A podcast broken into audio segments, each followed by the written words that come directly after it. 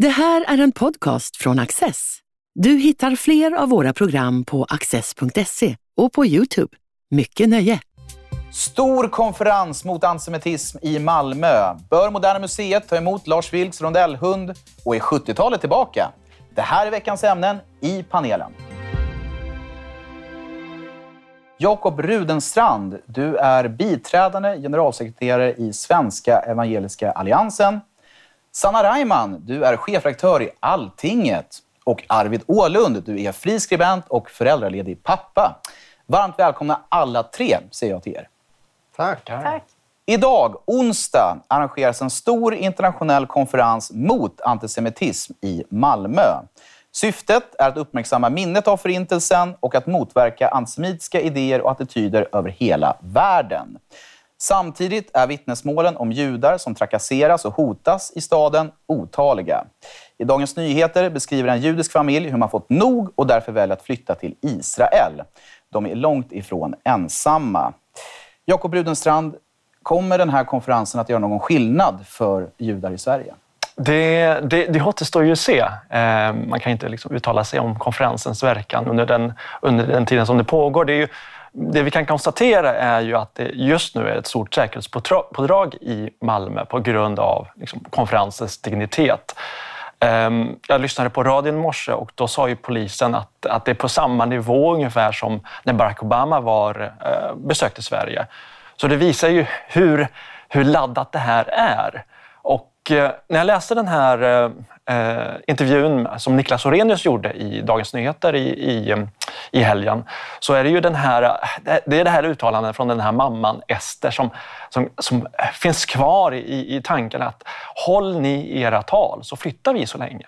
Och det illustrerar ju hur, eh, hur en del, hur, hur, hur man tänker att den här konferensen kanske bara är ett, ett, Eh, ett, skott i mörkret eh, för att kunna åtgärda den här situationen. För det vi ser, liksom, det, det, är ju, det är ju en realitet som, som har pågått under väldigt lång tid med, eh, med antisemitiska attacker, glåpord, trakasserier, inte minst i skolor, som, som judiska barn har fått utstå.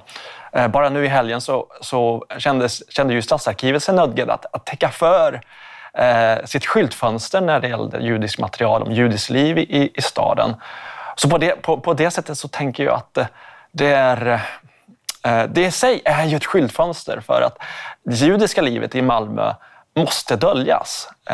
Och det är någonting som många judar har fått leva med under väldigt lång tid. Sanna, vad tänkte du när du hörde den här nyheten om att Stadsarkivet hade täckt över judiska böcker i skyltfönstret? Ja, det, precis som Jakob säger, det är väl exakt den verkligheten som, som, man, som judar lever med i Malmö. Eh, att man täcker kanske sin, sin stjärna eller liknande. Och det, och det där har ju pågått jättelänge. Det här är ju en jättegammal diskussion. Vi har pratat om det hur länge som helst och det har larmats hur länge som helst. Och med jämna mellanrum flyttar. Läser man den här typen av flyttreportage och sådär. Så, så det, det är ju verkligen inte något nytt. Det man möjligen skulle kunna säga är väl att det förefaller ju ändå som att staden i sig tar det här på större allvar nu. Man har ju försökt att utreda och titta liksom. Och, och, eh, det kan man ju inte riktigt säga pågick på Ilmar Reepalus tid, utan han var ju ganska avfärdande inför de här diskussionerna som fördes redan på hans tid vid makten i Malmö. Så att jag, på det sättet kan man väl se att det finns någon slags förändring. Sen om det kan leda till att det verkligen, verkligen förändras i Malmö, jag vet inte. Ehm, I samma intervju, tror jag det var i alla fall, eller så läste jag någonting annat, så intervjuades en rektor som säger att det här har pågått väldigt länge och det, här, det har ju varit verkligheten för judar väldigt länge i, i, i Malmö. Och den här rektorn sa också att politiker har ju eh, flörtat med den här antisemitismen som florerar, i synnerhet då kanske den från, som stammar från, från Mellanöstern, som kanske har sin grund mycket i liksom, Palestinakonflikten och sådär.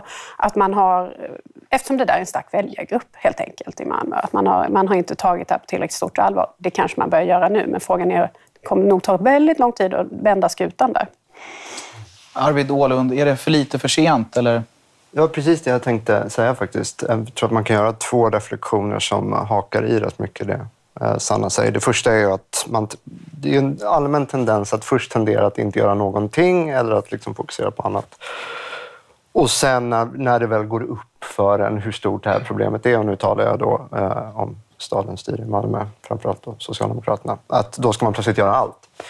Eh, så, och det är ju bra i sig. Problemet är ju att eh, den här konferensen kommer tio år för sent. Eh, och då är man väl ändå kanske generös.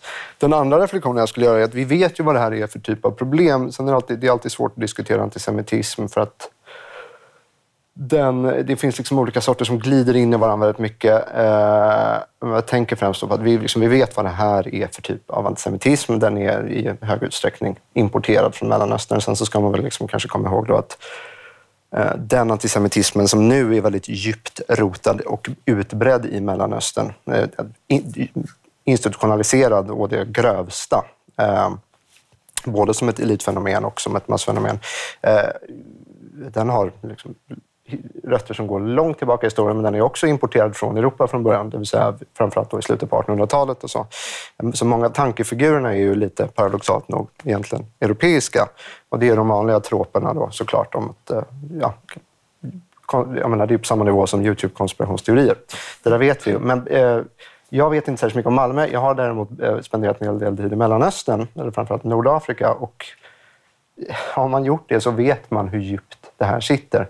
Och det säger, jag, menar, jag tror att tre fjärdedelar enligt då undersökningar här, av befolkningen där, eh, håller med om liksom grova konspiratoriska påståenden och så. Eh, inte alla, men många. Och det säger någonting om vilken typ av problem jag tror att vi har att göra med. Hur lång tid det kommer att ta att faktiskt eh, komma till rätta med det här. För det sitter djupt.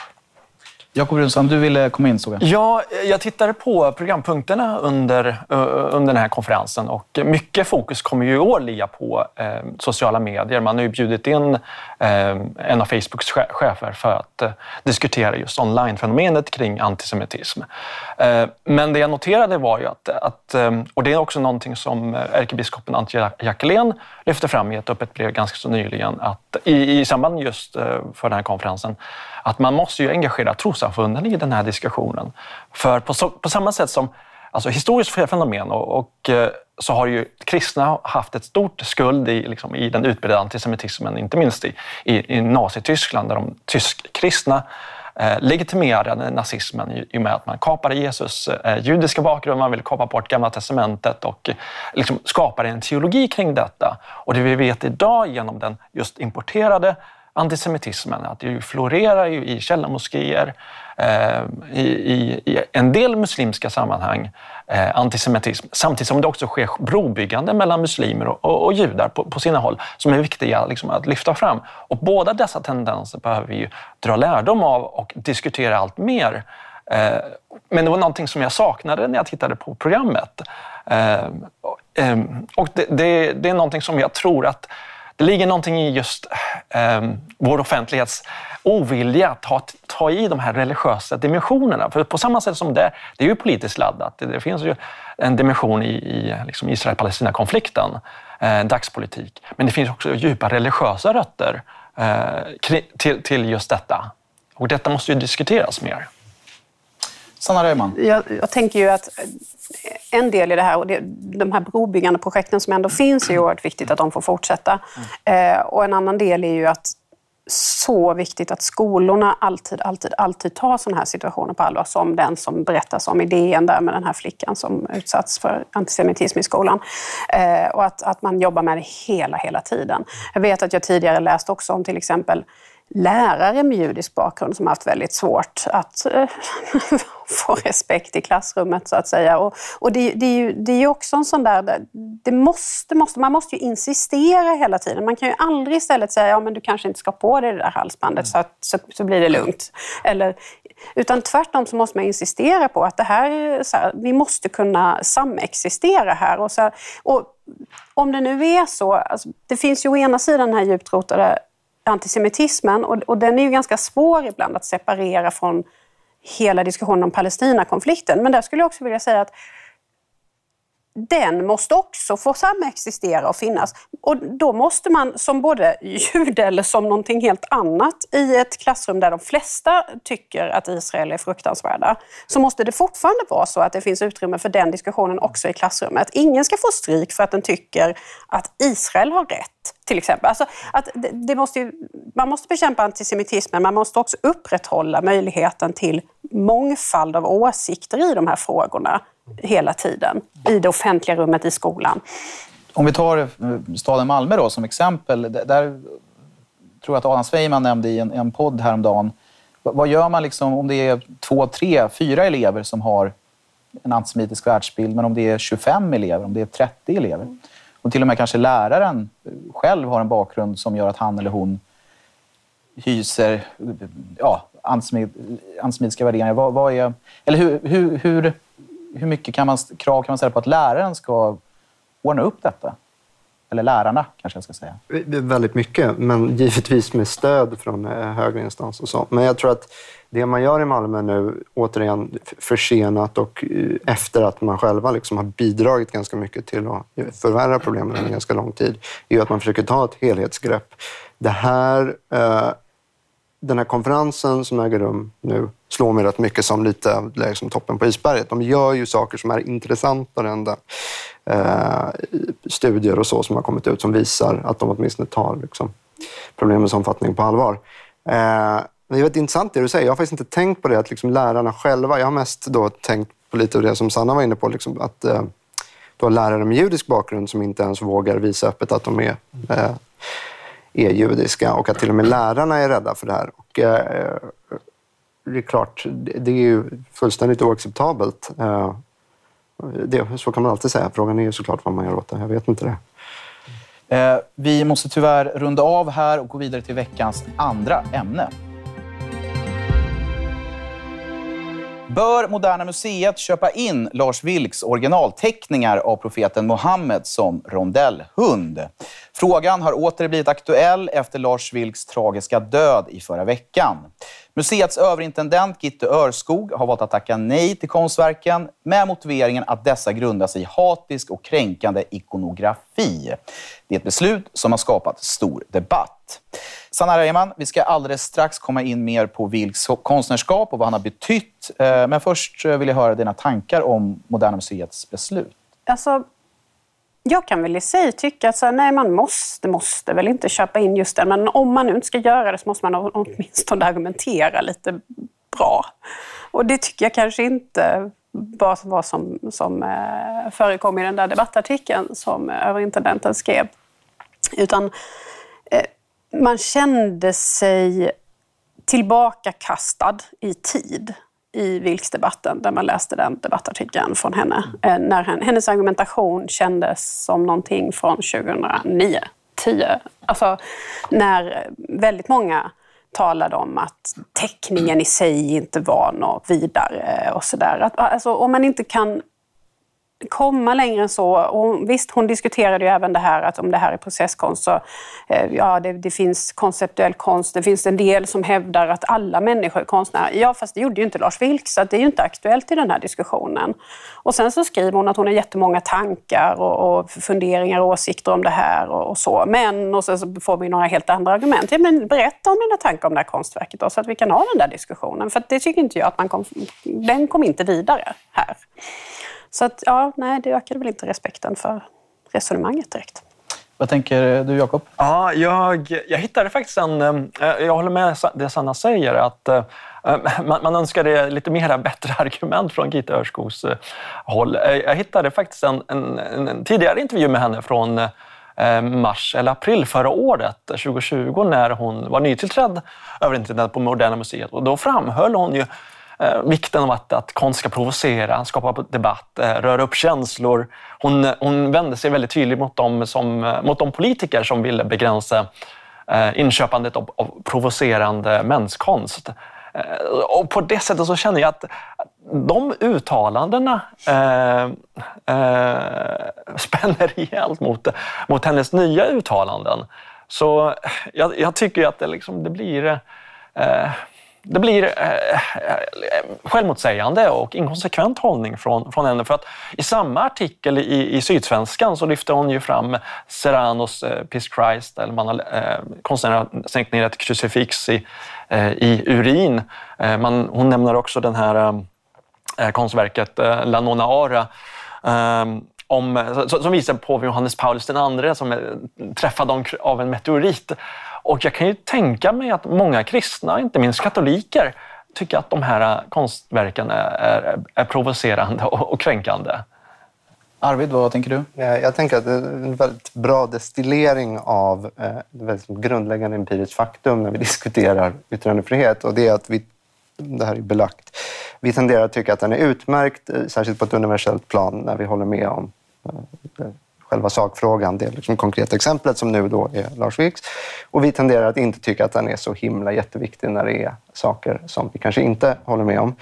De flesta, i alla fall i Sverige, skulle förmodligen rimligen säga att ja, men okej då, jag tycker inte om när man eh, eh, eh, vad ska man ta, eh, vajar flaggan upp och ner på Sergels torg, men jag tycker att det är, jag, menar, jag skulle aldrig säga att vi inte får göra det.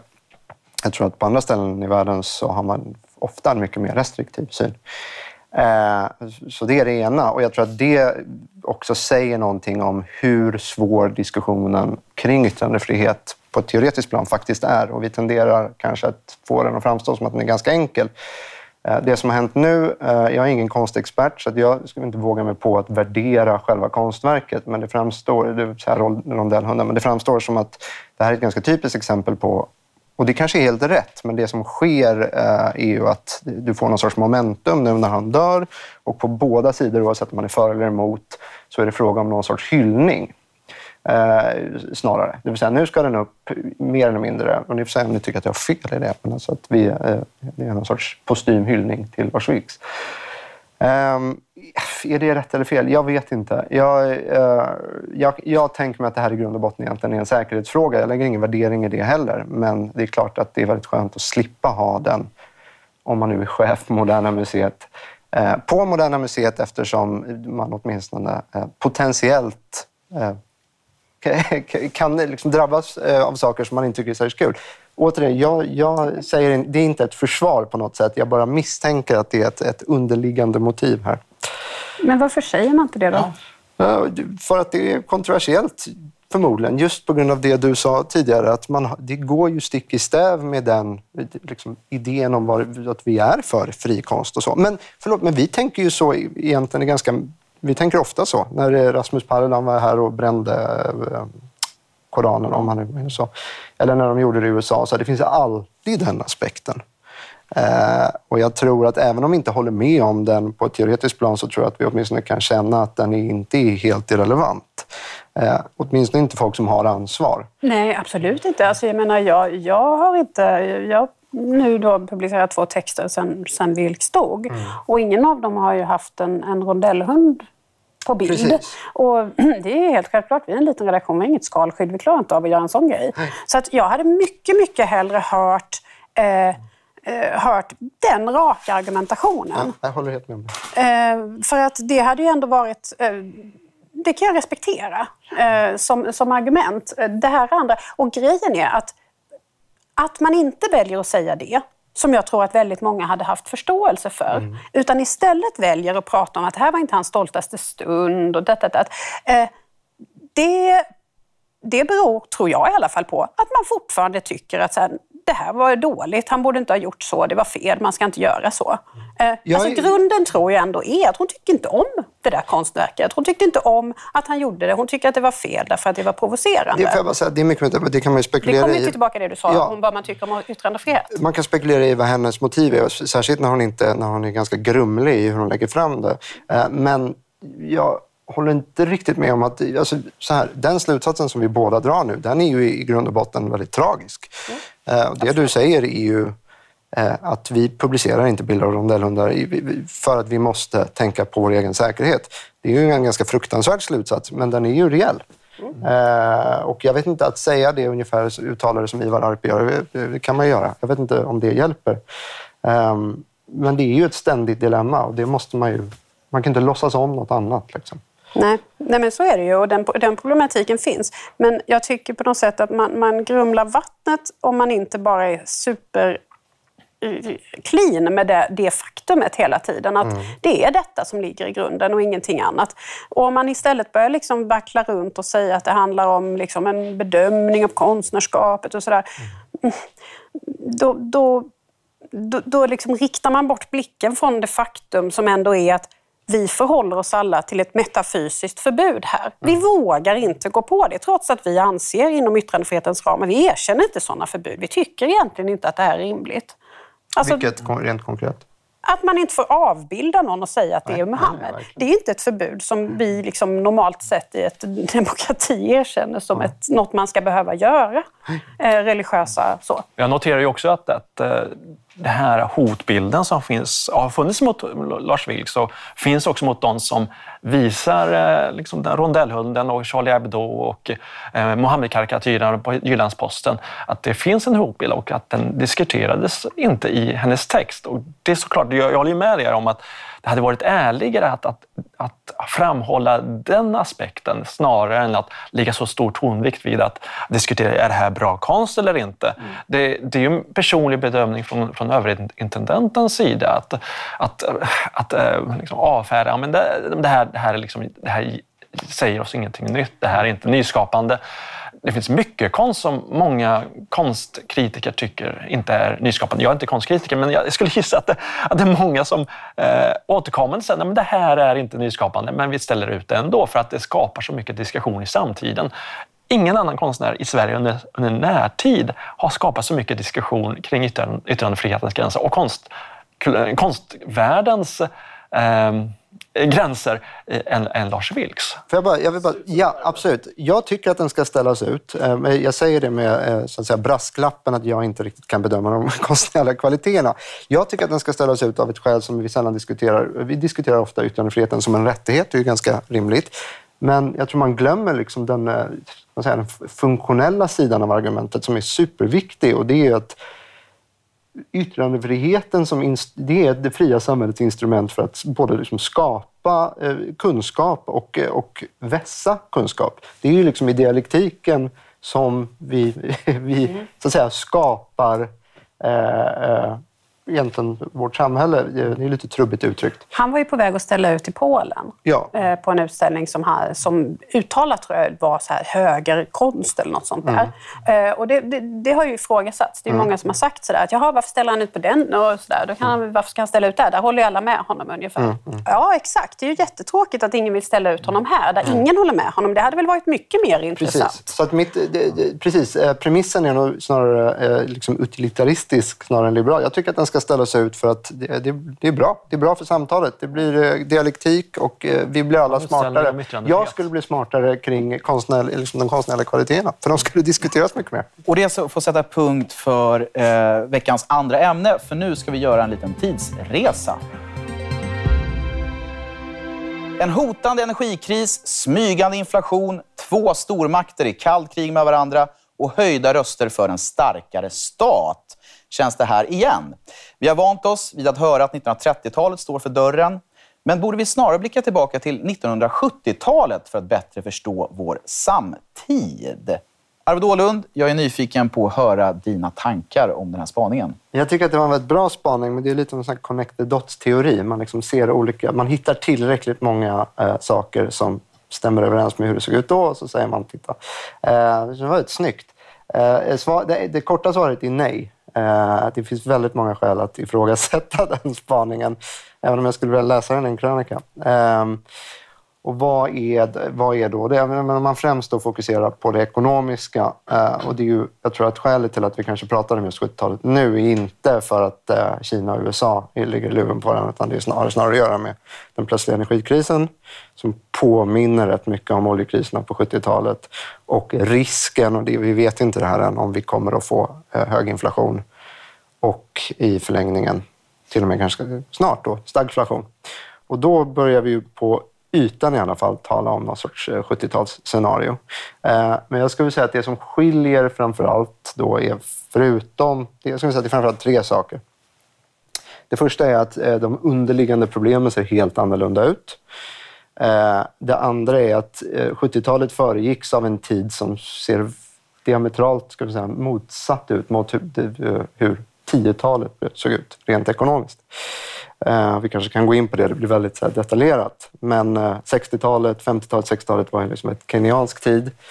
Eh, och så fick man betala priset för det. Eh, diskussionerna under 10-talet har i princip varit de motsatta. Vi har haft väldigt eh, eh, lite, men vi har haft låg produktivitet, låg tillväxt, allt det där. Så, så att, ehm, det är en annan typ av backlash. Sen så är då coronan, är, går inte att komma ifrån. Eh, men framförallt ska jag säga att det, tredje är att de institutionella förutsättningarna för att hantera det här ser rätt annorlunda ut. Eh, vi hade inte centralbanker i den eh, bemärkelsen på 70-talet som vi har idag. Det vill säga centralbanker som försöker kontrollera inflation är ju en effekt eller en konsekvens av det vi såg på 70-talet, framförallt Paul Walker, Federal Reserve. Huruvida de kan göra det nu är en annan fråga, men vi har det institutionella landskapet för att hantera de här problemen ser rätt annorlunda ut. Mm, intressant. Sanna, vad säger du? Ja, alltså... Jag håller med om att det är, ju, det är alltid kul att hålla på och labba med sånt här. Man kan säga, ja, okej, vilka likheter finns det? Och så där, ja, på 70-talet så hade vi också ett mångstyrt centerparti som krajade borgerliga samarbeten på enstaka frågor. Eh, visst, så var det ju. Å andra sidan var judiska församlingen i Malmö oerhört mycket större på 70-talet än vad den är nu.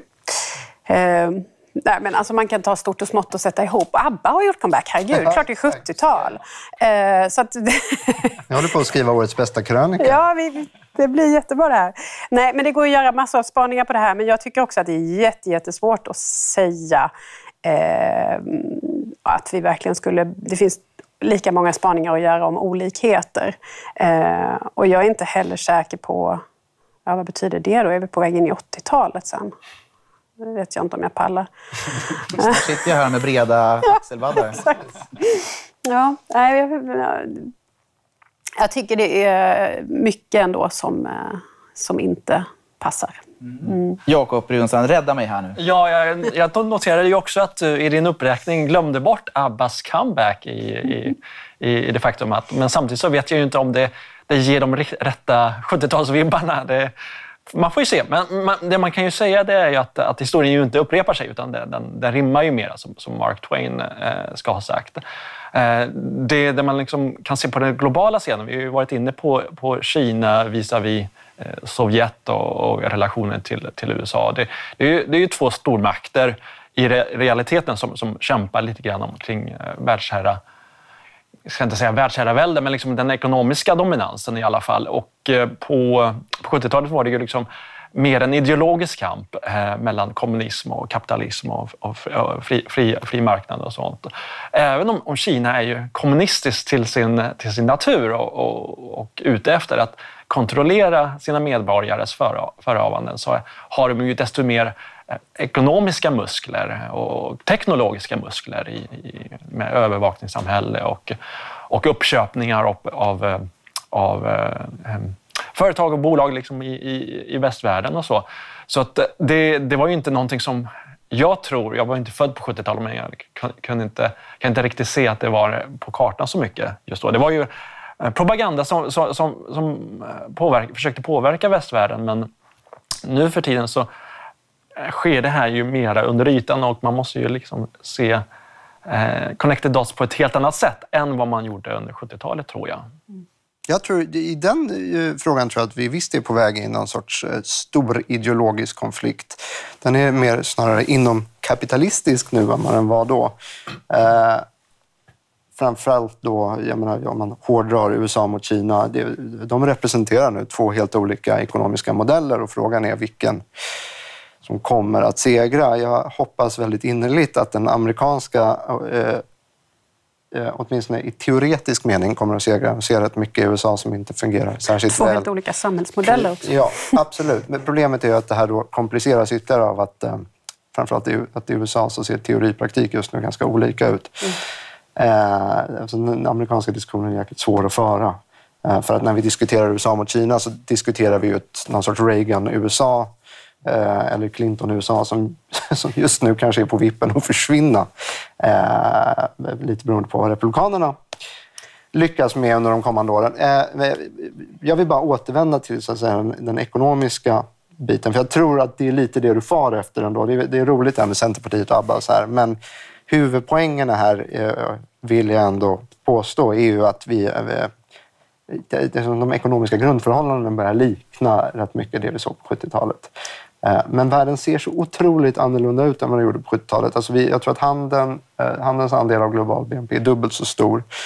Eh, handeln, fortfarande, även om vi diskuterar reshoring och sånt, det vill säga att en, en mindre global marknad, så är, jag menar, fabriker finns inte i länder, de, finns, de säga, korsar gränser på ett sätt som gör att väldigt mycket av det vi ser nu med eh, eh, vi har någon sorts utbudschock eh, där en massa delar så här, som inte kommer... Mycket av det har att göra med att världen ser ut som den gör nu och inte gjorde på 70-talet. Så att jag tror att det finns väldigt mycket som man kan nysta i det här.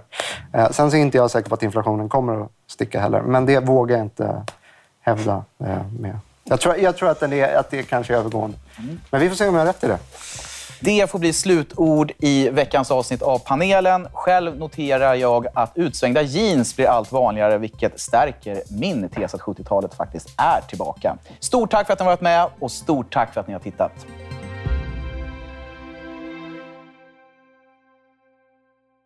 Du har just lyssnat på en podcast från Access. Du vet väl att vi också är en tv-kanal och tidning? Teckna en prenumeration idag på access.se.